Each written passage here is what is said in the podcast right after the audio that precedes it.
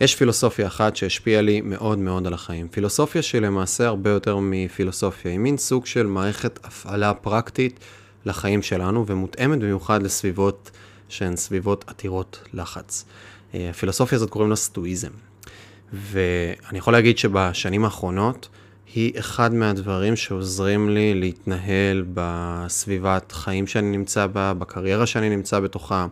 הפילוסופיה הזאת עוזרת לי לקבל החלטות טובות יותר, והיא עוזרת לי למעשה אה, להצליח לייצר איזה שהן תוצאות בחיים מבלי לאבד את אה, שפיות הדעת, מבלי לאבד אה, רוח נעימה בתוכי, עם יכולת לשמור על איזושהי שלווה מסוימת, שאותה שלווה גם מאפשרת לי בסופו של דבר להצליח לייצר תוצאות מסוימות באזורים מסוימים בחיים שלי. הסטואיזם למעשה היא, היא היא הרבה יותר מפילוסופיה, כי היא ממש מין סוג של אה, מערכת הפעלה. אה, היא משהו שוואנס אנחנו מכניסים ומטמיעים את העקרונות האלה בתוך החיים שלנו, את העקרונות של הסטואיזם. אה, היום שלנו נראה אחרת, הוא נראה הרבה פחות לחוץ, הוא נראה אה, הרבה יותר שקול, רמות העושר שלנו לא פעם יכולות לעלות, ואיכות קבלת ההחלטות שלנו משתפרת פלאים, ולא סתם אנחנו רואים איזושהי מגמה בעולם בשנים האחרונות, שבה אה, הייטקיסטים, אה, ראשי ממשלות, ראשי מדינות, אה, אנשים שהם ספורטאי עילית, הרבה מאוד אנשים שנמצאים, מה שנקרא, בפיק של הפיק של הפיק של הפרפורמנס בתחומם, נמשכים יותר ויותר לפילוסופיה הזאת, לתחום הזה, לאזור הזה שנקרא סטואיזם. אה, וכדי להבין מה זה סטואיזם, צריך להבין בגדול את ה... אולי העיקרון הכי הכי הכי משמעותי, בסדר? התובנה, העיקרון, אבן היסוד, אולי הכי משמעותית של הדבר הזה שנקרא סטואיזם, והעיקרון וה... הזה קוראים לו דיכוטומיית השליטה. בסרטון הזה, מה שאנחנו הולכים לדבר, בסרטון, בשם הזה, בפודקאסט הזה, אנחנו הולכים ממש לדבר על, על שבעה עקרונות לסטואיזם, איך לבוא ולהכניס את זה לתוך החיים שלנו ומה זה אומר בכלל. ואחר כך נדבר גם על ממש פרקטיקות קונקרטיות לאיך לבוא ולהטמיע את זה, כי הרבה פעמים אנחנו יכולים לשמוע איזושהי תובנה מסוימת ולהגיד, אהה, זה מעניין אותי, אבל מכאן ועד לקחת את זה למשהו שאנחנו מצליחים להטמיע בצורה... יסודית בתוך החיים שלנו לא פעם קיימת דרך, וניגע גם בזה טיפה. אז ניגע גם בשבעה עקרונות וגם ב... אה, בפרקטיקות הספציפיות שממש ממש אפשר לקחת, ואני יכול להגיד שהרבה מתוכם זה דברים שאני עשיתי ועדיין עושה ועדיין מטמיע את התהליך הזה, אה, ונתחיל קודם כל מהעיקרון הראשון, שהוא דיכוטומיית השליטה, שזה העיקרון הבסיסי ביותר של סטואיזם, שהוא אומר למעשה שאין לנו שליטה על מה שקורה. זה קצת משעשע, או יותר נכון להגיד, זה, אחת מהתובנות מתוכו, אבל דיכוטומיית השליטה אומרת ש... ואני אקח את אפיקטיטוס, בסדר? אני אקח את, ה, את ה, ההיסטוריה של הסטואיזם, אגב, היא הוקמה והיא נוסדה אה, על ידי זינו, בסדר? היא הוקמה ונוסדה על ידי זינו בסטואה, ומאז יש לא מעט אנשים, ומה שמעניין בתוך הפילוסופיה הזאת, שיש לא מעט אנשים מתחומים שונים שהפכו להיות, אפשר להגיד, ההוגים הגדולים שלה, המפתחים העיקריים שלה, ואלה שעד היום אנחנו יונקים מי שנכנס לתוך הדבר הזה שנקרא סטואיזם, יונק משם את המידע. אז יש לנו אה, לא מעט אולי שמעו על מרקוס אורליוס, אחד מהחמשת, הקיסר הטוב האחרון לצורך העניין, אה, שהיה, שהוא היה, שזה נורא יפה ומעניין לראות שדווקא אותו אדם שהוא היה קיסר והוא היה שליט כל יכול והיה לו כל מה שהוא רוצה ברמת כוח וסטטוס וממון, אה, וכנראה גם משמעות מסוימת, במשמעות עצמית וכולי, דווקא נמשך לאותו מקום של יש הרבה דברים שהם לא בשליטתו, למרות שהוא השולט כל, הוא אחד. מצד שני, היה לנו את אפקטיטוס, שהוא אחד מה, מהגדולים, גם כן מהפילוסופים הגדולים של הסטואיזם, שאפקטיטוס הוא בכלל היה עבד נרצע, התחיל את חייו עד גיל 30, אם אני לא טועה, הוא היה עבד. והוא התחיל דווקא במקום השני וההפוך לו והמנוגד, הכל כך כל כך כל כך נמוך. בסדר? מהצד השני, והוא הפך להיות אחד מההוגים הגדולים. ויש לנו גם את סנקה וזינו וקיטו, שהוא היה הפילוסוף הסטואי הגבוה ביותר, אפשר להגיד שהוא היה מה שנקרא מודל למושלמות מסוימת, וכולם באותה, ברמות שונות של חיים, בסדר? רמות שונות של סטטוס, רמות שונות של מעמד, רמות שונות של... תובנות ודרך, כולם הצליחו להגיע בסופו של דבר לאותה תובנה מעניינת שאין לנו שליטה. או יותר נכון להגיד שיש דברים שיש בשליטתנו ויש דברים שהם לא בשליטתנו. ומכאן, בסדר? אני, אני אשתמש בציטוט, אני אצטט רגע את אפקטיטוס, שאמר, עושר וחופש מתחילים עם הבנה אחת, עם עיקרון אחד. חלק מהדברים בשליטתנו, וחלק מהדברים לא בשליטתנו. שזה נשמע כזה נורא ברור, אוקיי, מה הוא אמר כאן, מה מיוחד בתוך האמירה הזאת, אבל כמה מאיתנו נמצאים בתוך סביבת חיינו, בסדר? וקורים לנו דברים שלא בהכרח תמיד הם ביכולת שלנו לשנות אותם או למנוע אותם או לא, לא לחוות אותם, ואנחנו למול אותו אירוע או אותו דבר שקרה שלא בהכרח בשליט, בשליטתנו, אנחנו כועסים, אנחנו מתעצבנים, אנחנו חרדים. בסדר? זה יכול להיות מרמת, אה, אני עכשיו אה, נוהג ברכב ונוסע לאיזשהו מקום, ופתאום אה, מישהו נתקע בי מאחור, או מלפנים, או חתך אותי בצורה כזאת או אחרת, ופתאום יש איזשהו אירוע שלא בהכרח יכלתי למנוע, אבל באותו רגע הכעס משתלטים עליי, שיקול הדעת שלי זז ממני. וזה יכול להיות עד אירועים הרבה יותר כואבים וקשים, כמו מוות של אדם קרוב אלינו. ואני יכול להגיד שאני בעצמי, בחוויית חיים שלי, שאני חוויתי בכל מיני דברים ובכל מיני אזורים, יצא לי לחוות מוות אה, של אבא שלי, אבי נפטר. וכשהוא נפטר, אה, אז הייתי עדיין ילד צעיר, ואחד מאותם דברים, מאותן החלטות במודע שקיבלתי, הייתה לתת לכאב להיכנס לתוכי, לחוות את האירוע, להיות בתוכו. יחד עם זאת, גם להבין שלא הייתה לי שליטה על האירוע הזה. לא אני בחרתי, לא אני השפעתי על uh, מחלת הסרטן ש, שהגיעה לאבא שלי ו, וגרמה לו בסופו של דבר לסיים את חייו מוקדם מן הצפוי. ובאותו מקום, כש, כשהחוויה הזאת טלטלה אותי וחוויתי אותה באותו הקשר, אז אני הגעתי למצב שבו הייתה לי בחירה, וההחלטה הייתה מודעת להתקדם, בסדר? ולשים את זה במקום של אני נותן לזה ללמוד מזה ולהתפתח מזה ולחוש את זה ולהרגיש את זה ולכאוב את זה, יחד עם זאת, להבין שזו דרכו של עולם, שיש דברים שהם לא בשליטתי. ויש את אה, תפילת השלווה, שהיא אולי אחד מהדברים שאני יותר מתחבר אליהם, שאולי גם חלקכם מכירים. אה, תן בי, אה, ממש מתחיל, אלי, תן לי, תן בי את השלווה לקבל את הדברים שאין ביכולתי לשנותם, את האומץ לשנות את אשר ביכולתי, ואת התבונה להבדיל ביניהם, בין מה שאני יכול לשנות, לבין מה שאני לא יכול לשנות. וזה למעשה הדבר הראשון של הבנה של דיכוטומיית השליטה. העיקרון הראשון, שוואנס אני מצליח באמת באמת להכיל אותו ולהכניס אותו לתוך חיי ולהבין אותו, החיים מקבלים זווית שונה, וזה לא משהו שהוא מובן מאליו, זה משהו שדורש עבודה מאוד מאוד מאוד מאוד מאוד עמוקה ופנימית כדי לגרום לו לזוז. חצי שנה אחרי שאבי נפטר, אה, הלכנו לבדיקה שהיא סוג של שגרתית לאימא שלי, וגילינו שאימא שלי חלתה בסרטן. ואז היה פה עוד טיול פתאום, עוד מקום של החיים בוחנים. החיים בוחנים, אגב, החיים בוחנים, מישהו מלמעלה בוחן, שום דבר לא בוחן, פשוט דברים קורים כי הם קורים, זה לא באמת משנה. האירוע קורה. הסיטואציה מתרחשת. ובאותו רגע עמדה בעיניי עוד פעם ההחלטה הזאת. אני יכול להגיד ש... זה מסוג הדברים שגם יכלו נורא לרסק, בסדר? כי יש גם, אנחנו חיים הרי בקונטקסט, אנחנו חיים בהקשר, אנחנו חיים בסביבה מסוימת של אנשים. אז אם עכשיו מסתכלים עליי בתור אותו ילד בן 21, 22, ואני אומר ילד, כי מצד אחד גיל 21, 22 זה כבר להיות uh, שלופ גדול, מצד שני זה ילד, זה, זה עוד לא מבינים דברים, עוד לא חווים מספיק חיים. עד אותו גיל היינו כמעט כולנו תמיד במסגרות, מסגרות שאמרו לנו איך ומה ולאן וכמה ומתי. ופתאום אנחנו מתחילים לאט לאט לגדול ולצאת ולקבל החלטות ולחוש את החיים. באמת באיזו חופשיות מסוימת. והייתי באותה תקופה ילד שחווה פצצה שנייה. עכשיו, מה קורה למול הסביבה? אבא שהלך לעולמו אה, והשאיר אותי יתום מאב בגיל יחסית צעיר. ולאחר מכן אימא שפתאום נכנסים לאותו טיול פעם שנייה. עם כימו ועם הקרנות ועם נסיעות ועם בחילות ועם שאלות על סופיות ו- ולהכיל את הדבר הזה עם המון המון רגש, כאב, בכי ו- והרבה דברים בפנים. הסביבה גם מאפשרת הרבה פעמים לכעוס. הסביבה מאפשרת להיכנס לספירלה של ואקום. הסביבה שלנו מאפשרת לנו כי מותר לך. כי קרה כרגע משהו. זה כמו, ואני אקח רגע לאנלוגיה אחרת, זה כמו שמותר לי לאכול pint Ben and Jerry's אחרי פרידה. כי ככה, כי קרה כרגע אירוע, קר, קרתה סיטואציה מסוימת, וכרגע זה כאילו חברתית מוסכם לבוא ולהיכנס לאיזשהו מקום כזה. ובוא נחשוב על זה, זה לכל דבר, בסדר? זה הרי נורא בסדר שאם עכשיו נכנסו בי מאחורה, זה שאני אצא ואני אכעס. זה נורא בסדר. סיטואציונית, החברה מאפשרת את זה, יש איזושהי קבלה מסוימת לדבר הזה. זה נורא בסדר שאם אני אקבל ציון לא טוב, אני, אני נורא אתרגש ואתרגז לפני מבחן, או קורה לי איזשהו משהו, הסביבה מאפשרת לי למעשה להיות באותו state.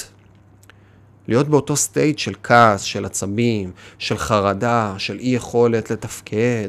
שוב, תלוי כמובן בעוצמת ובעצימות האירוע למעשה. אבל עצם זה שדברים קורים, אני צריך להפנים קודם כל שיש דברים שהם בשליטתי ויש דברים שהם לא, ושוב אני אומר, זה כאילו מובן מאליו, אבל זה לא. וכשיש לי את הדברים האלה, שחלקם אני שולט בהם, וחלקם אני לא שולט בהם, בסדר? אני מבין את הדבר הזה בצורה עמוקה, אני מתחיל לייצר ולפתח לעצמי איזושהי אדישות מסוימת, שאדישות יש לה הרבה פעמים קונוטציה שהיא שלילית. יחד עם זאת, לאדישות גם יש את הקונוטציה ההפוכה לה, שהיא קונוטציה סופר חיובית של אני לא מתרגש מדברים. אני לא מתרגש מעכשיו איזשהו משהו שקורה לי פתאום, כי פיתחתי איזושהי אדישות, כי אני מבין את דיכוטומיית השליטה. דיכוטומיה זה למעשה הפרדה. הפרדה, יש דברים שאני יכול לשלוט ויש דברים שלא. וההפרדה היא דיכוטומית, היא לא, אי אפשר לחדור אותה. אז יש דברים שכן ויש דברים שלא, ואז כשקורים דברים שאין ביכולתי לשנות אותם, האופן, ואני באמת הטמעתי בתוכי את הדבר הזה של דיכוטומיית השליטה, האופן התייחסות שלי אליהם שונה. אני מקבל החלטות בצורה אחרת. אני מגיב אחרת לאירועים האלה. וזה מביא אותנו לעיקרון השני. עיקרון השיפוטיות, בסדר? בסטואיזם. מה זה אומר? וגם כן, אה, נקפוץ רגע לסנקה ונשאל ממנו איזשהו ציוט, ציטוט. אנחנו סובלים לא מהרועים בחיינו, אלא מהשיפוטיות שלנו כלפיהם.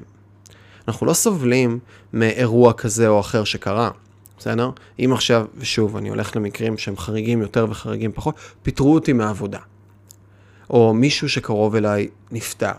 או קרה איזושהי סיטואציה, אה, טראמפ הפסיד בבחירות, בסדר? אלה כל מיני אירועים שהרבה פעמים, חלקם לצורך העניין הפיטורין מהעבודה, הרבה פעמים אני כן יכול לשלוט בזה, בסדר? לצורך העניין, אבל הרבה פעמים גם לא.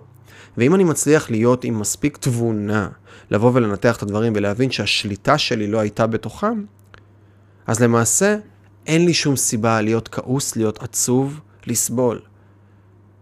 אלא רק מהפרשנות לסיטואציה אני סובל או לא סובל. למשל, יש הרבה מאוד אנשים, וניקח רגע חס וחלילה לא לפגוע במישהו, אבל שמאוד מאזינים ומקשיבים ונוכחים בתוך הדבר הזה שנקרא פוליטיקה. בסדר? מי ייבחר, למה ייבחר, אה, הולכים ומנהלים הרבה מאוד שיחות סלון סביב הדבר הזה. ואז עולה כאן שאלה, האם אני משפיע או לא משפיע על הסיטואציה, והאם אני צריך להיות כאוב, כעוס, לסבול, האם קורה משהו, שעכשיו נבחרת מפלגה שאני רוצה או לא רוצה, נבחר אדם שאני רוצה או לא רוצה. האם עכשיו אמורה להיות על הדבר הזה השפעה על החיים שלי, על הסבל שלי, על התפיסה שלי.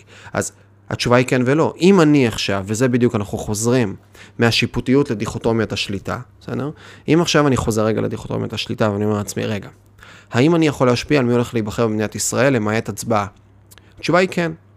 אם אני עכשיו אלך ואקים מפלגה משלי, אני אחבר אנשים, אני אהפוך להיות פעיל במפלגה שאני רוצה, אני אשב ואני אטלפן לאנשים, אני אתן מהכישורים שלי, מהידע שלי לכל מיני מקומות, אני אעשה שיחות סלון לשכנע אנשים, האם אני יכול להשפיע? כן. האם אני מוכן לעשות את מה שנדרש? רוב האנשים לא, כי הם לא מתעסקים בזה, זה לא ה-day job שלהם, הוא לא מספיק, לא אגיד לא מספיק אכפת להם, אבל יש להם דברים אחרים לעשות בחיים, שהם לא כרגע, שהם בתעדוף על הדבר הזה. אז אם עכשיו יש לי את כל הדברים האלה ואני מקבל החלטה מודעת שאני עכשיו לא עושה אותם, אז למעשה הוצאתי את מוטת השליטה, נכנסתי למקום הדיכוטומי, באותה דיכוטומיית השליטה של אני לא יכול להשפיע כאן. אז האם ביבי ייבחר או לא ייבחר? האם רון חולדאי ייבחר או לא ייבחר, האם בנט ייבחר או לא ייבחר, זה לא משהו שאמור להשפיע עליי ברמת התחושות שלי. יכול להיות לי באסה, לצורך העניין, שהמדינה בחרה אדם כזה או אחר, זה לא משנה עכשיו, לצורך הסיטואציה, אבל לא מעבר לזה, כי אין לי באמת שליטה. וזה רק הסיפור שלי למול הסיטואציה, אותה שיפוטיות שגורמת לי לחשוב האם הדבר הזה נכון או לא נכון, האם הוא כואב לי או לא כואב לי, האם זה בשליטתי או לא בשליטתי. וזה בדיוק אותו מקום של סיפור, ואני אחבר, זה הדבר הזה של שיפוטיות וסיפור פנימי שלנו למול סיטואציה, בסדר? עכשיו אני אקח איזושהי אה, דוגמה שתמחיש את העיקרון הזה של השיפוטיות בצורה ממש טובה. אה, יש אה, אדם בשם סט גודין. סט גודין הוא אחד מאנשי ה marketing, אנשי השיווק המוכרים והטובים בעולם, והוא בעיקר שיווק פסיכולוגי ותודעות שיווק ומיתוג וחברות גדולות והסתכלות נורא נורא רחבה על הדברים, יש לסט גודין, וה... הוא כתב, לדעתי, 14 או 18 ספרים, המוכר מביניהם אולי זו פרה סגולה, ובן אדם שהשפיע הרבה על תרבות העסקים בעולם. והוא סיפר סיפור שזה פעם אחת, הוא היה, ב, הוא היה במין סוג של מדיטציה כזאת קבוצתית, איזה מדיטציית יוגה קבוצתית כזו, ובזמן המדיטציה הייתה מישהי מאחוריו. והם כולם היו בעיניים עצומות למדיטציה למשך 20 דקות או חצי שעה, ואז הוא מתחיל לשמוע אחרי איזה 3-4 דקות שהם נכנסו לתוך המדיטציה וכולם צריכים להיות בשקט וצריכה להיות איזושהי אווירה נורא נורא ספציפית, הוא מתחיל לשמוע צליל כזה.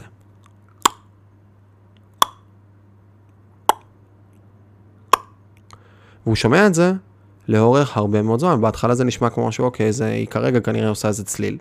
בסדר, היא עושה איזה צליל. אז אחרי שהיא עושה את הצליל הזה, סבבה, אז כאילו היא תפסיק את זה עוד שנייה.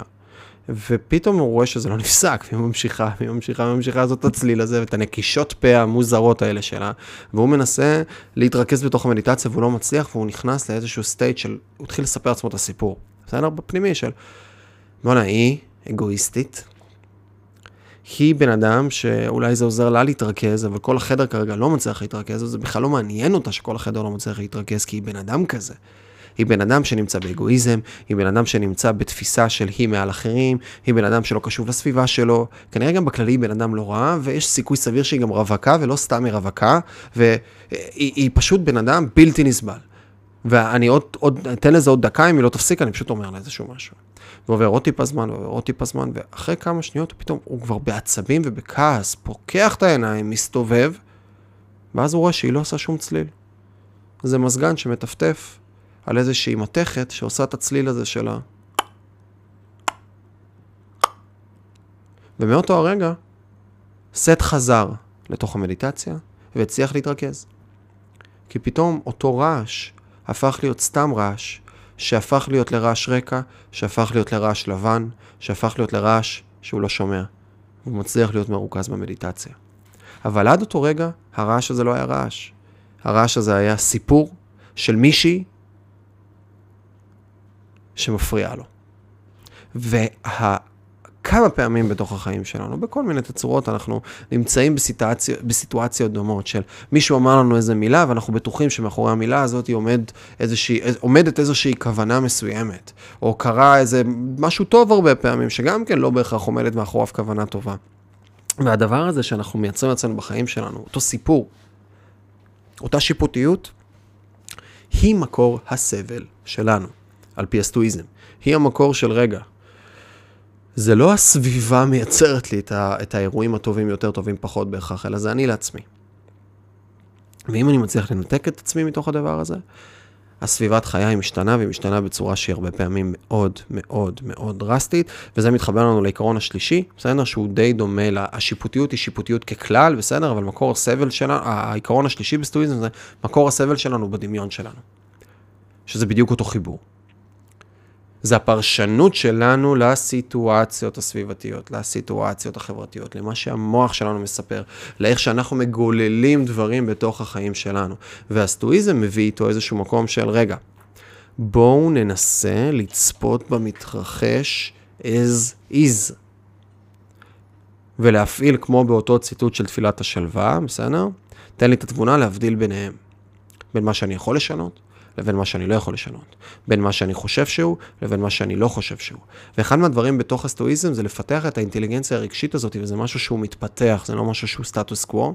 עם אמפתיה מאוד מאוד גדולה להבין סיטואציות חברתיות, וכל הזמן לייצר את הכניסה לנעליו של הצד השני, ולנטרל רגע את הדמיון שלנו, שהרבה פעמים הוא הולך לקיצון, כי ככה נבננו כבני אדם.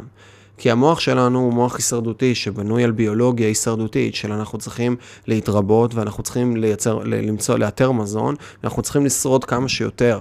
ככה אנחנו בנויים. והמוח שלנו תמיד ינסה לחשוב על מי רוצה לפגוע בנו, מי לא בסדר למולנו, מה יכול להיות למול הדבר הזה. הוא ינסה בצורה אינטואיטיבית, אלא אם כן אנחנו נאמן אותו, לקחת אותנו הרבה פעמים למקומות שהם קיצוניים יותר. ופה מגיעה אותה אמונה. בסדר? מגיעה האמונה. והעיקרון החמישי של הסטואיזם הוא עיקרון הטמפרמנט. בסדר? העיקרון הרביעי, סליחה. העיקרון הרביעי של הסטואיזם הוא הטמפרמנט. שזה איזון. אדם שהוא סטואי, בסדר? וזה סטואי, זה שוב, זה ספקטרום, זה לא שאני מגדיר את עצמי כסטואי או לא, זה כמו שאדם דתי, זה לא באמת, זה לא קטגוריה, זה זהות, אני אדם דתי. אבל באדם דתי יש ספקטרום, יש מי ששומר שבת ומי שלא שומר שבת. יש מי שאוכל, אה, שומר שלוש שעות או שש שעות, יש מי שמתפלל שלוש פעמים ביום בבית כנסת במניין ויש מי שלא. אז גם להיות סטואי בסופו של דבר זה איזשהו ספקטרום מסוים של אה, אה, כמה אני בתוך הדבר הזה. אבל אדם שהוא סטואי, בסדר, וזה מתחבר לעיקרון הרביעי, הוא נמצא בטמפרמנט שמאפשר לו איזון ואדישות. דיברנו טיפה על אדישות מקודם. אבל אדם שהוא נמצא בתודעה הזאת, הוא לא מתרגש יותר מדי ממשהו שהוא חיובי שקורה בחייו, והוא לא מתרגש יותר מדי ממשהו שהוא שלילי שקורה בחייו, אלא הוא פשוט מקבל את זה as is. הוא פשוט מקבל את הדבר הזה as is. זה לא משנה כרגע אם קרה לי משהו, אה, לצורך העניין אני שכיר כרגע, ופתאום אה, המנהל שלי אמר לי איזשהו משפט מסוים, או קרה איזשהו אירוע מסוים, הדברים האלה לא מרגשים אותי יותר מדי. הם, הם קיימים, הם נוכחים, אני נותן להם מקום, אני בוחן אותם בעין, מה שנקרא בלתי מזוינת ומסתכל עליהם מהצד, אבל עדיין אני נשאר עם איזשהו איזון מסוים. ושוב, יש פה גם מחיר קטן. בסדר? יש פה גם מחיר קטן, כי אדם שהוא סטואי או מספח את הדברים האלה, ההתלהבות שלו מדברים, או היכולת שלו לבוא ו- ו- ולהיות בתוך הרגע הרבה פעמים, היא קטנה יותר. ואני יודע להעיד על עצמי בהקשר הזה, שכשקורים לי דברים טובים בחיים, אני הרבה פעמים, דברים טובים זה, זה משהו שבא מבחוץ, או הצלחה מסוימת שהצלחתי לייצר, אני מקבל אותה באיזון. אני לא מתרגש יותר מדי, ואני גם מקבל הרבה פעמים פידבק מהסביבה של רגע, אבל עשית ככה וככה, אז כאילו, למה אתה לא... זה... כי, כי ככה.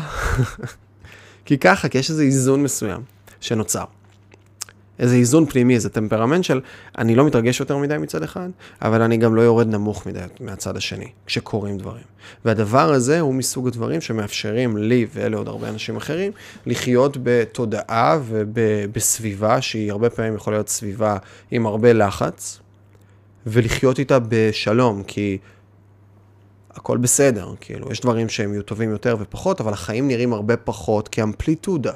זה לא עולה ויורד, עולה ויורד, עולה ויורד, עולה ויורד, אלא יש איזה סטטוס קוו מסוים, שכן, יש לו תנודתיות מסוימת, אבל התנודתיות היא לא מאוד גדולה, אלא היא בקצב ספציפי. אז זאת ההסתכלות שלי לגבי הדבר הזה, ובכללי של סטואיזם לגבי איזון ואדישות. פרמטר נוסף, זה שהרבה אנשים יכולים להגיד, בעיקרון החמישי, זה פרואקטיביות. בסדר? אקטיביות למול פסיביות. יש הרבה אנשים שיכולים רגע לשמוע ולהגיד, טוב, אז הרבה דברים לא בשליטתך.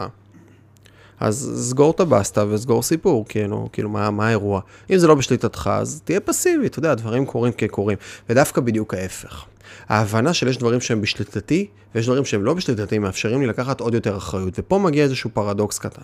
ואני אעזר באדם שקוראים לו ג'וקו ווילינק, שהוא אה, לא סטואי, לא סטואי מהמקום של, ה, של פילוסוף, אבל התובנות שלו והאופן שבו הוא מציג את הדברים, והאופן שבו הוא מדבר, אז זה די סטואיזם קלאסי. ואותו ג'וקו ווילינק, הוא Navy אה, SEAL לשעבר, מפקד שהיה בכמה deployments בעיראק, והוא היום יש לו כמה חברות ודברים שהוא עושה, אבל אותו ג'וקו ווילינק, אה, יש לו ספר שהוא כתב שקוראים לו Extreme Ownership. והספר שלו מדבר על זה שבגדול הוא מלא סיפורים וממלא מקומות, אבל בגדול המסר העיקרי שלו זה שקח Extreme Ownership על כל נקודה שאתה נמצא בחיים. קח 100% אחריות על כל נקודה שאתה נמצא בחיים, בצורה משמעותית. יורד גשם עכשיו בחוץ, ובכוונה אני מקצין, יורד עכשיו גשם בחוץ, קח על זה אחריות. זה שלך. עכשיו רגע, איפה זה? זה הסטואיזם בדיוק מדבר הפוך, לא? הוא אומר, יש דברים שבשליטתך, ויש דברים שהם לא בשליטתך. ופה יש איזשהו פרדוקס קטן שנמצא באמצע. של, אם אני מבין שיש דברים שהם לא בשליטתי, אז איך אני יכול לקחת 100% אחריות על הסיטואציה? כי יש אנשים אחרים, עובדים אחרים וכולי. אז אותו הקשר אומר כזה דבר, זה שאני צריך להתייחס לדברים בזמן שאני עושה פעולות, בפרואקטיביות שלי, ביצירת מציאות, כאילו אף אחד לא שולט בסיטואציה חוץ ממני.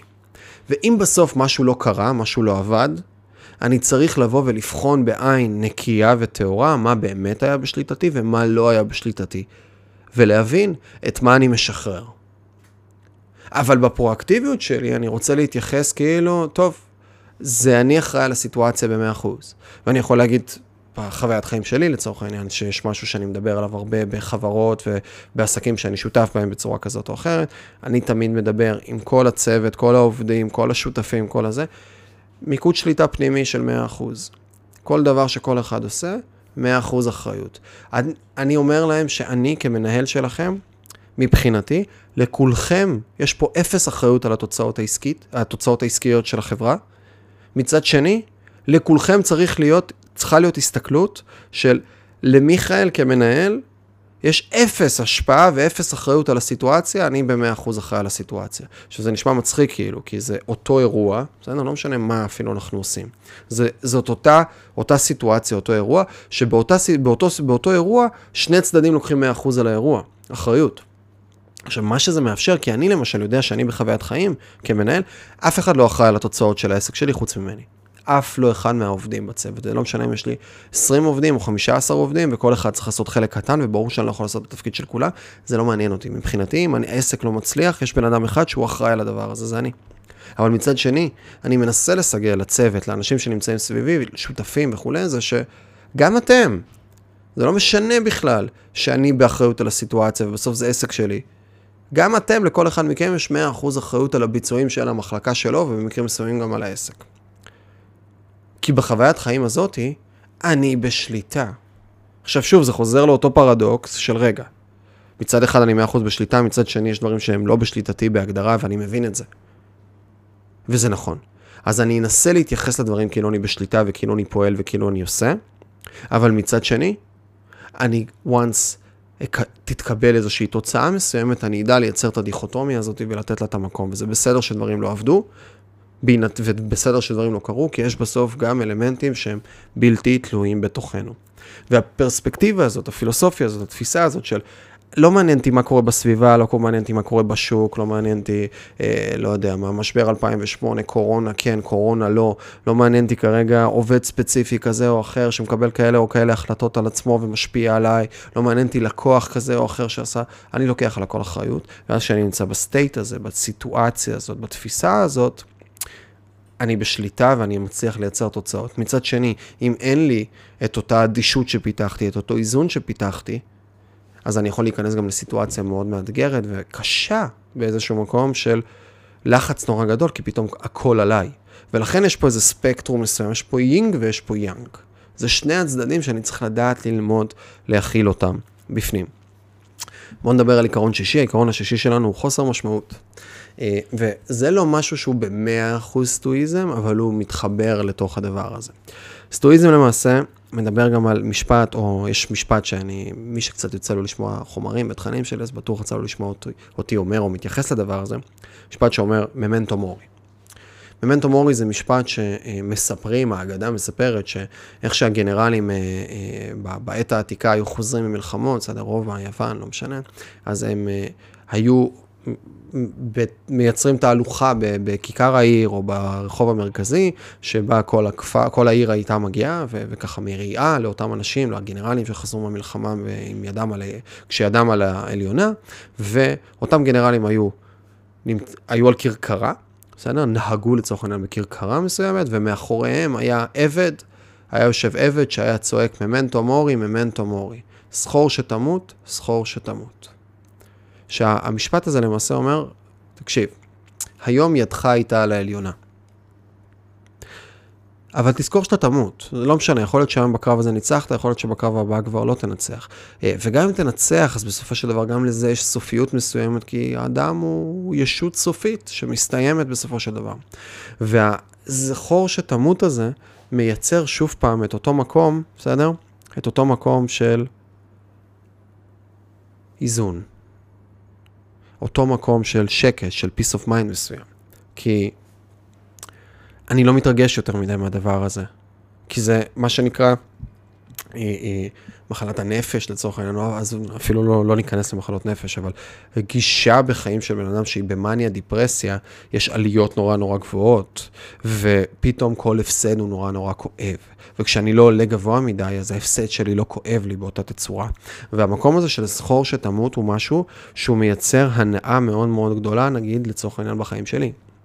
אחד מהדברים שאני אה, מנסה אה, לספח ולייחס לתוך החיים שלי בכל מיני קונטקסטים, בכל מיני הקשרים, זה להסגיר לעצמי את המוות. אגב, גם זה שעכשיו אני מדבר על הדבר הזה כאן, בסדר? בתוך הסרטון הזה, מבחינתי, זה גם כנראה באיזשהו מקום בתת מודע, רצון להנכיח את הדבר הזה, לדבר על זה עוד פעם, להכניס את זה עוד פעם, יוצא לי לדבר על זה הרבה בכל מיני הקשרים. הדבר הזה של זכור שתמות, זכור שהמוות בסופ, בסופו של דבר מגיע, הוא מאפשר הרבה יותר משמעות לחיים. הוא מאפשר הרבה יותר הערכה לחיים, הוא מאפשר הרבה יותר תודעה והבנה של, אוקיי, אני צריך שהימים שלי יהיו משמעותיים. אני צריך לראות שהמקום שאני נמצא בו הוא נכון לי, אני צריך לראות שהאופק שאני מתקדם לתוכו עובד לי. אני צריך לראות שיש לי נוכחות ברגע בחיים האלה, כי הם לא יהיו כאן לתמיד.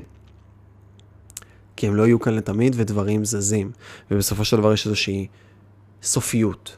ובאותו הקשר, גם, ופה עוד איזשהו משהו שהוא הוא, הוא אפשר להגיד העיקרון השביעי לסטואיזם, זה פרספקטיבה, פרספקטיבה וחוסר, פרספקטיבה נקרא לזה, בסדר? העיקרון השביעי, פרספקטיבה.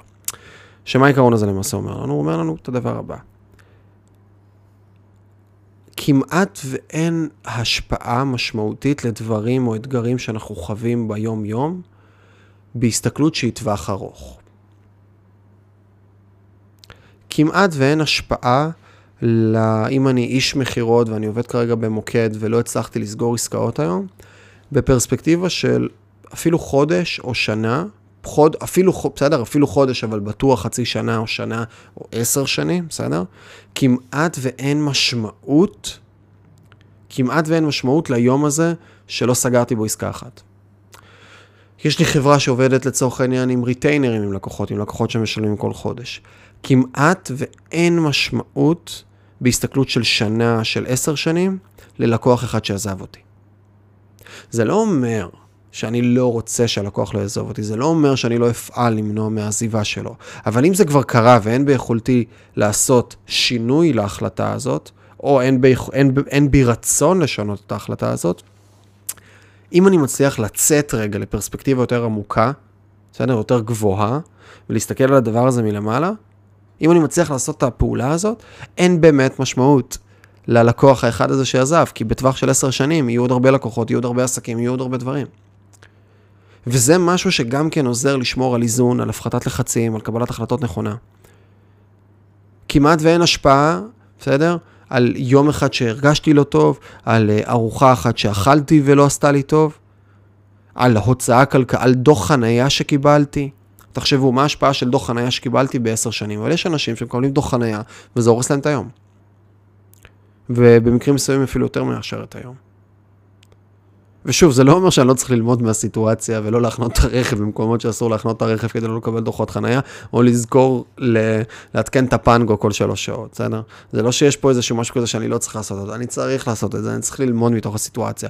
אבל once כבר קרתה הסיטואציה ולצורך העניין אין ביכולתי לשנות אותה כבר, אז אם אני מצליח לצאת לדבר הזה שנקרא פרספקטיבה ולצאת החוצה ולהסתכל מלמעלה על הדברים, אז אין משמעות. בסדר? לדבר הקטן הזה. והחוסר משמעות הזאת של הפרט הקטן גורמת לדברים גם כן טיפה אוקיי, כאילו, אוקיי, סבבה. ואלה תובנות שאני כאילו אומר אותן, ויכול להיות שגם חלק מהאנשים אומרים, טוב, זה די ברור, או חלק מהאנשים אומרים, אוקיי, כאילו, סבבה, מה אני עושה עם זה עכשיו? אבל אלה תובנות שאם אנחנו מצליחים להנכיח אותן בתוך החיים שלנו לאורך זמן, מצליחים להחזיר אותן, וזה, אני קורא לזה הגאפ. הרי לכל אחד מאיתנו בסופו של דבר יש הרבה פעמים נקודות בחיים שבהן אנחנו מגיבים לדברים. בסדר? קורית סיטואציה ואנחנו מייצרים תגובה לאותה סיטואציה. אם אנחנו מצליחים להכניס את אותם עקרונות, את אותן תובנות, את אותן פילוסופיות בגאפ הזה, בין התגובה, או אפילו לאחר התגובה, כי תגובה יכולה להיות גם תגובה ממושכת של אמוציות, של כעס. ואם אנחנו מצליחים לייצר לעצמנו את אותן מנטרות או תובנות או דברים עמוקים יותר של, אוקיי, בהסתכלות של עשר שנים זה לא רלוונטי. אם רק נצליח להכניס את המשפט הזה לאירוע שלילי שקרה לנו בחיים, זה משנה את כל התמונה. זה משנה את כל התמונה, את כל היחס שלנו לסיטואציה, את הרגש שלנו, את ההסתכלות שלנו. פשוט לצאת רגע לפרספקטיבה של 30 אלף רגל מלמעלה, וניקח איזשהו משפט שלקוח מעולמות המדיטציה של הוויפאסנה, שנקרא הניטשה. הניטשה זה למעשה אומר, הכל חולף. כשעושים מדיטציה, מה זה למעשה ויפאסנה, ויצא לי לעשות לא מזמן אה, יומיים של ויפאסנה, אה, אז למעשה יושבים במשך, בוויפאסנה ההארדקור, יושבים איזה תשע שעות ביום, קמים בארבע בבוקר, ארבע וחצי כבר מתחילים את המדיטציה, שעתיים מדיטציה עד שש וחצי, עכשיו זו מדיטציה שהיא כמעט ולא מודרכת, זה לא שעכשיו, עכשיו תחשוב על מה שקרה לך בעבר, עכשיו תעשה ככה, עכשיו, לא, זה שקט מופתי, ועושים אחד משניים. או משהו שנקרא אנה פאנה, שזה לשבת ולדמיין את האוויר נכנס ויוצא, להרגיש אותו, להתמקד בנקודה אחת, לצורך העניין מתחת לאף, ולנשום את האוויר ולהוציא אותו ולהיות בתוך הדבר, או עושים את הדבר שנקרא ויפאסנה. ויפאסנה זה למעשה פעולה. זה פעולה של screening של הגוף. אני למעשה מתחיל מהראש, ולאט לאט יורד, יורד, יורד, יורד, יורד, יורד ועולה בגוף. אני מתחיל להרגיש, אוקיי, אני עכשיו מתמקד בקרקפת שלי. מה אני מרגיש? חום, קור, לחץ, גירוד, עקצוץ, נימול, כאב, מה, איזה כאב? כאב דקירות, כאב לחץ. אני ממש עובר, אוקיי, מצח, גבות, עיניים, ככה לאט לאט עובר כל חלק בגוף עד שאני מגיע לאצבעות וחוזר חלילה למעלה. זה נקרא ויפאסנה. ואז עושים את זה עוד פעם ועוד פעם ועוד פעם ועוד פעם במשך שעתיים. אחר כך יוצאים לזה שעה וחצי הפסקה, ואז עוד שעה וחצי ועוד שעה ועוד שעה ועוד שעה, שמונה, תשע שעות ביום של המדיטציה הזאת, שפשוט יושבים סטיל, בשקט, ומכילים את עצמנו בתוך הדבר. עכשיו, דמיינו סיטואציה שבה בן האדם יושב שעה וחצי, שעתיים עכשיו, ולא זז, לא מגרד כלום. לא נמצא באיזושהי אה, אה, שיחה שמסיחה את דעתו, אלא כל כולו מרוכז בעצמו, בנשימה שלו ובחלקים שונים בגוף, מבלי שום תזוזה. מה שקורה זה שפתאום מגרד, פתאום כואב, פתאום מעצבן כבר, בסדר? מרגישים כל מיני, פתאום קר בחדר, פתאום חם בחדר. ויש כל מיני דברים שהגוף שלנו אינסטינקטיבית רוצה לעשות, אבל בגלל שאנחנו נמצאים בתוך אותו קונטקסט של רגע, אני בתוך מדיטציה, אז אני לא עושה. והדרך להתמודד עם הדבר הזה, וזה משהו שהוא, אה, זאת אותה מילה שקוראים לה ניטשה, בסדר? המשורר אומר, בסדר, גוונקה לצורך העניין, אני לא משנה, חבר'ה מה, מההארדקור של הוויפאסנה, אומרים, הניטשה, הכל חולף, הכל חולף, הכל חולף, בסדר? ואז אם יש לך גירוד מסוים או כאב מסוים, האינסטינקט הראשוני במקום לנסות לגרד אותו, במקום לנסות לקחת את המוח ולהשכיח את המחשבה על ידי, על המחשבה על האזור הכואב, על ידי איזושהי חשיבה על, לא יודע מה, על פרויקט שיש לי בעבודה, הרעיון הוא להיכנס לתוך הכאב ולהגיד לעצמנו, אני תשה, אני תשה, אני תשה. הכל חולף. וכהרף עין, מה שקורה זה שאותו גירוד כבר מפסיק לגרד, ואותו כאב שהיה מצליח, הופך להיות סביל יותר. והניטשה הזה מתחבר כמו כפפה ליד לתוך הדבר הזה שנקרא סטואיזם, של חביבי, הכל חולף. אותו כעס נקודתי שכרגע יש לך על זה שקיבלת דוח חנייה, חולף. אותו כעס שיש לך כרגע כ... כבן אדם שרב עם הבת זוג שלו או עם הילד שלו, הניטשה, הכל חולף. קרה לך משהו כרגע בחיים שהוא מאתגר, פתאום נכנס אליך מישהו לחדר ואמר משהו שהוא בעייתי או לא בעייתי, הניטשה. ואז הדבר הזה של הניטשה, הניטשה, הניטשה, מאפשר לצאת החוצה, מאפשר לצאת לפרספקטיבה, מאפשר לייצר איזון, מאפשר לייצר אדישות בריאה וטובה.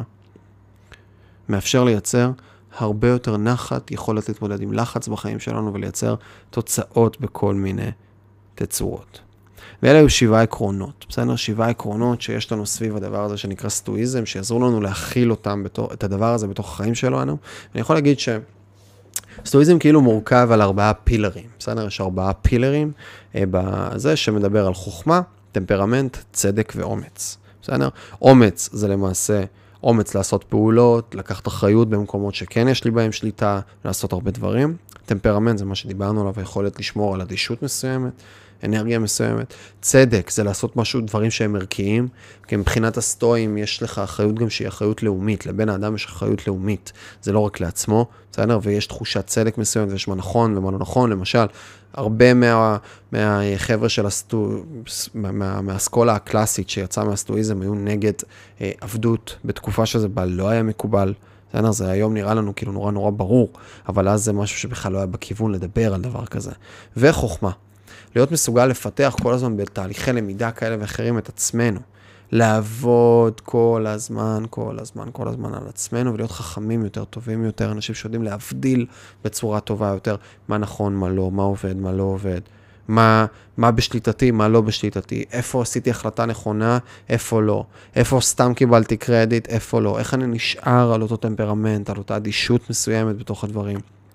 אלה הדברים שלמעשה הסטואיזם בא ומגיע כדי לבוא וללמד אותנו. ועכשיו אני רוצה שניכנס לכמה פרקטיקות, נעשה את זה יחסית קצר, כמה פרקטיקות קונקרטיות של איך לבוא ולהתחיל ליישם יותר את הסטואיזם בתוך החיים שלנו. אז דבר ראשון, אופציה אחת שיש לעשות זה מה שנקרא planned suffering.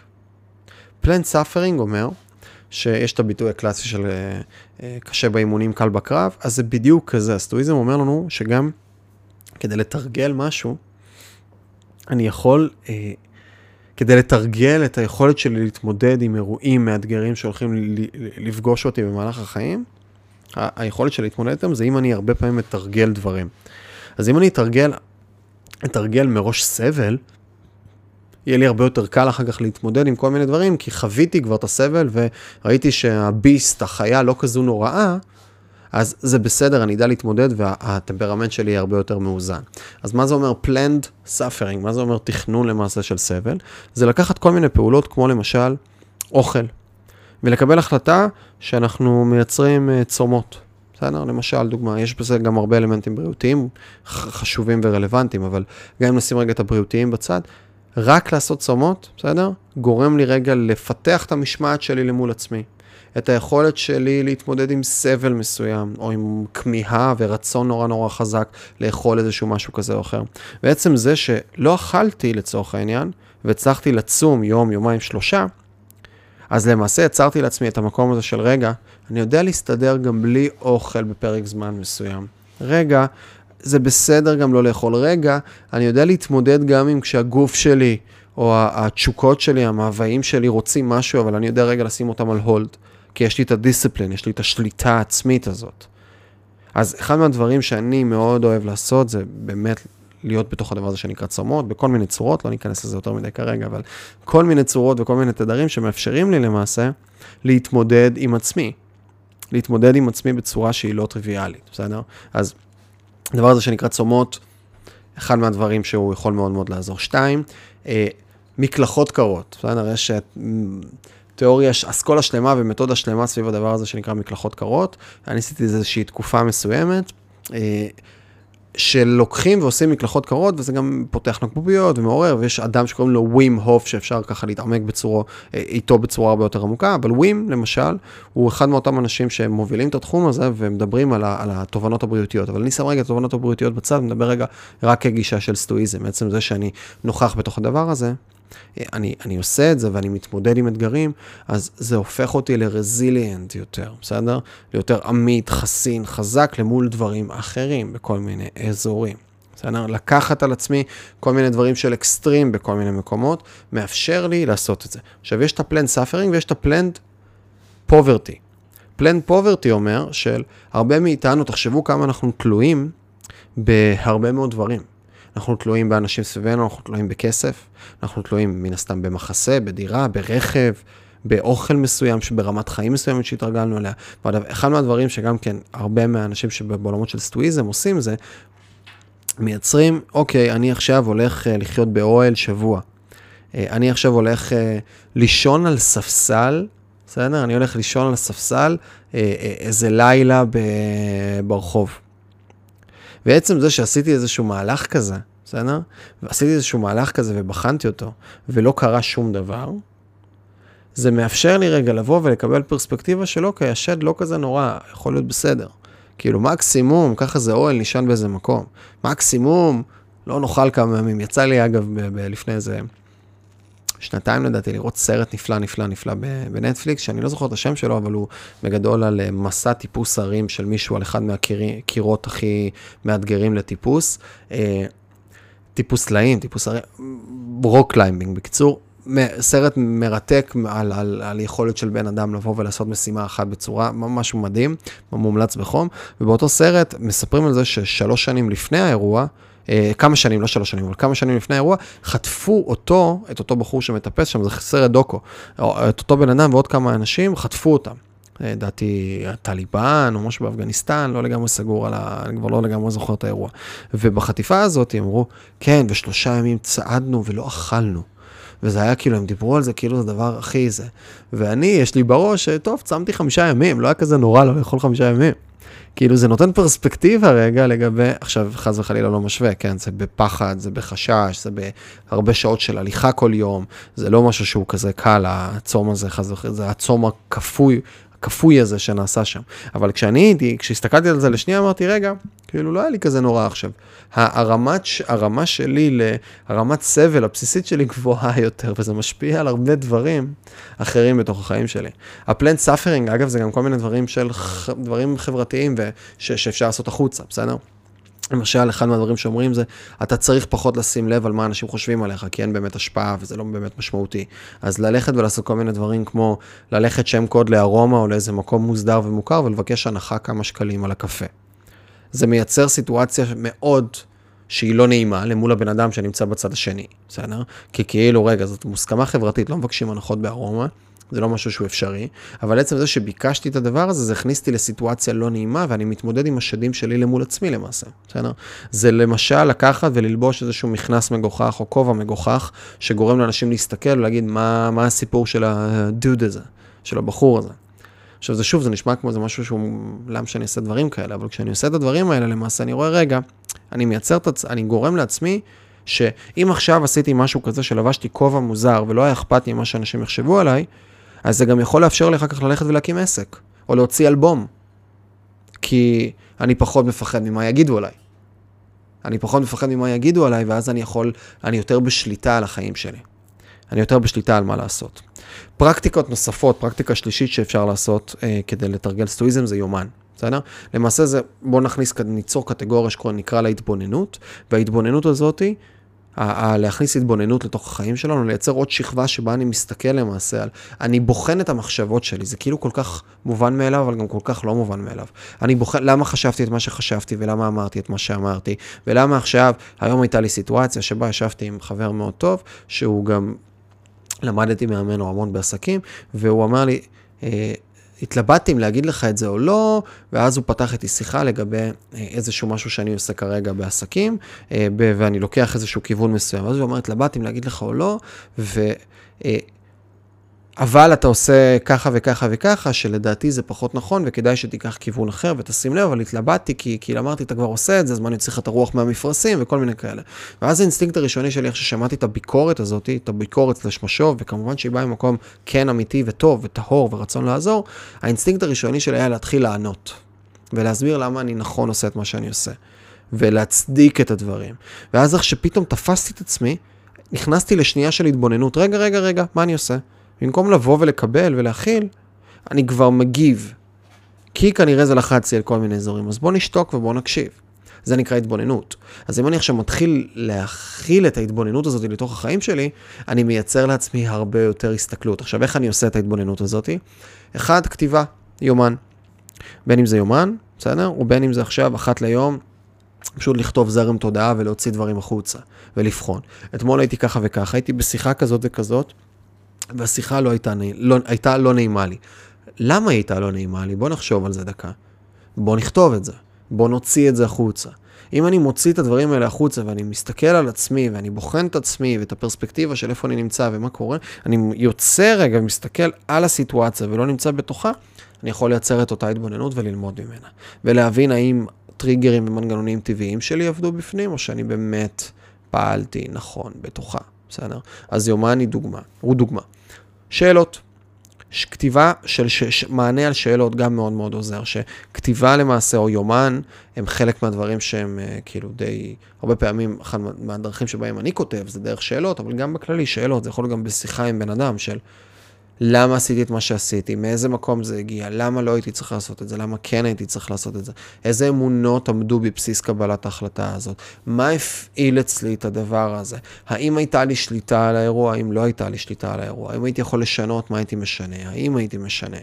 לשאול הרבה מאוד שאלות שעוזרות לי רגע לבוא ולפקוח איזושהי עין מתבוננת על הסיטואציה. ודבר שלישי, שקשור באותו, באותו פרקטיקות של זה, זה התבוננות דרך מדיטציה. בסדר? גם מדיטציה. נתתי מקודם דוגמה לויפאסנה, מי שירצה קצת לחקור מוזמן. יש מיינדפולנס, יש כל מיני אפליקציות כמו Headspace או Waking Up של סם uh, אריס, ויש עוד כל מיני אפליקציות בכל מיני צורות. יש גם 5% happier נראה לי, אם אני זוכר נכון.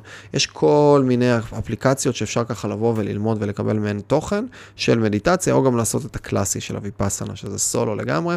יכולים לחפש ביוטיוב גוונקה או כל מיני, יש גם אפליקציה שנותנת תוכן שם של הקלטות של גוונקה, אותו בחור מפעם, והמדיטציה למעשה מאפשרת לי להיכנס לאיזה no mind מסוים. ומייצרת איזה peace of mind שבסופו של דבר אני יכול הרבה יותר בקלות להתבונן ולהיות מודע לדברים. כי המדיטציה מכניסה לנו מודעות. מדיטציה מכניסה לנו מודעות לתוך הדברים. אה, ודבר אחרון שדיברנו עליו גם כן בפרקטיקות, זה לזכור את הדבר הזה של טווח ארוך, לצאת לטווח ארוך. לצאת להסתכלות של מה המשמעות של הדברים בפרספקטיבה יותר ארוכה, מה המשמעות של הדברים בפרספקטיבה יותר ארוכה. ואז היום-יום נראה הרבה פחות תנודתי. כי לאורך זמן, אם נסתכל, בסדר? זה כמו מניות. אם אני מסתכל על מניה ביומי, ואני כל יום חושב להוציא או להוציא את הכסף או להכניס כסף חדש וכולי, ואני מסתכל על זה באופן יומי, אני חי בהרבה מאוד סטרס של תנודתיות למעלה ולמטה. אבל לאורך שנה, בסדר? לאורך שנה, אני לא אדייק במספרים, אבל לאורך שנה בממוצע, מדד S&P 500 או כל מיני מדדים בחו"ל נגיד, ממוצעים, עולים ב-7%. זה הממוצע, פלוס מינוס. 7 וקצת, או 6 ומשהו, אבל זה בערך 7%. אבל אם אני מסתכל בשנה כמה פעמים הייתה עלייה וירידה, עלייה וירידה, ואני סוכם את כל האחוזים של העליות וירידות לאורך שנה, אני מניח שנגיע ל-120%, 150%, בסדר? של אחוזים של עלייה וירידה, עלייה וירידה, עלייה וירידה. הסך הכל הממוצע הוא 7, אבל לאורך כל הזמן יש מלא תנודתיות. ואם אני חי עם הגלים האלה ועם התנודתיות הנורא נורא גדולה הזאת, קשה לי מאוד לחיות חיים שהם רגועים יותר. שהם טובים יותר, שמאפשרים לי קבלת החלטות יותר חשובה, יותר טובה, שמאפשרת לי שקט מסוים, איזון מסוים, רוגע מסוים. אלה דברים שלא קל לנו לבוא ולספח לתוך הדברים. לתוך החיים שלנו.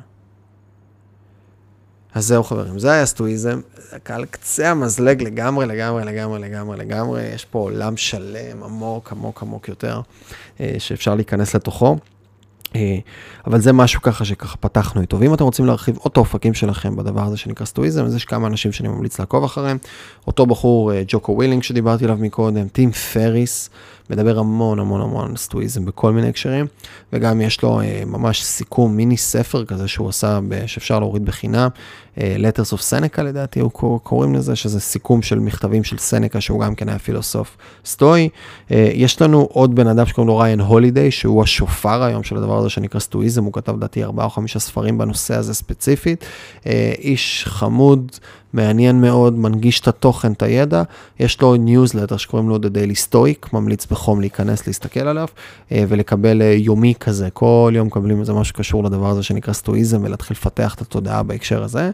אה, וגם לי יוצא מדי פעם לדבר על הדברים האלה, אז אם בא לכם ככה להצטרף אלינו לערוץ, לעשות subscribe, ממליץ בחום בחום, מדי פעם, ממליץ, ממליץ על עצמי, אז זה קצת מגוחך, אבל ממליץ בחום.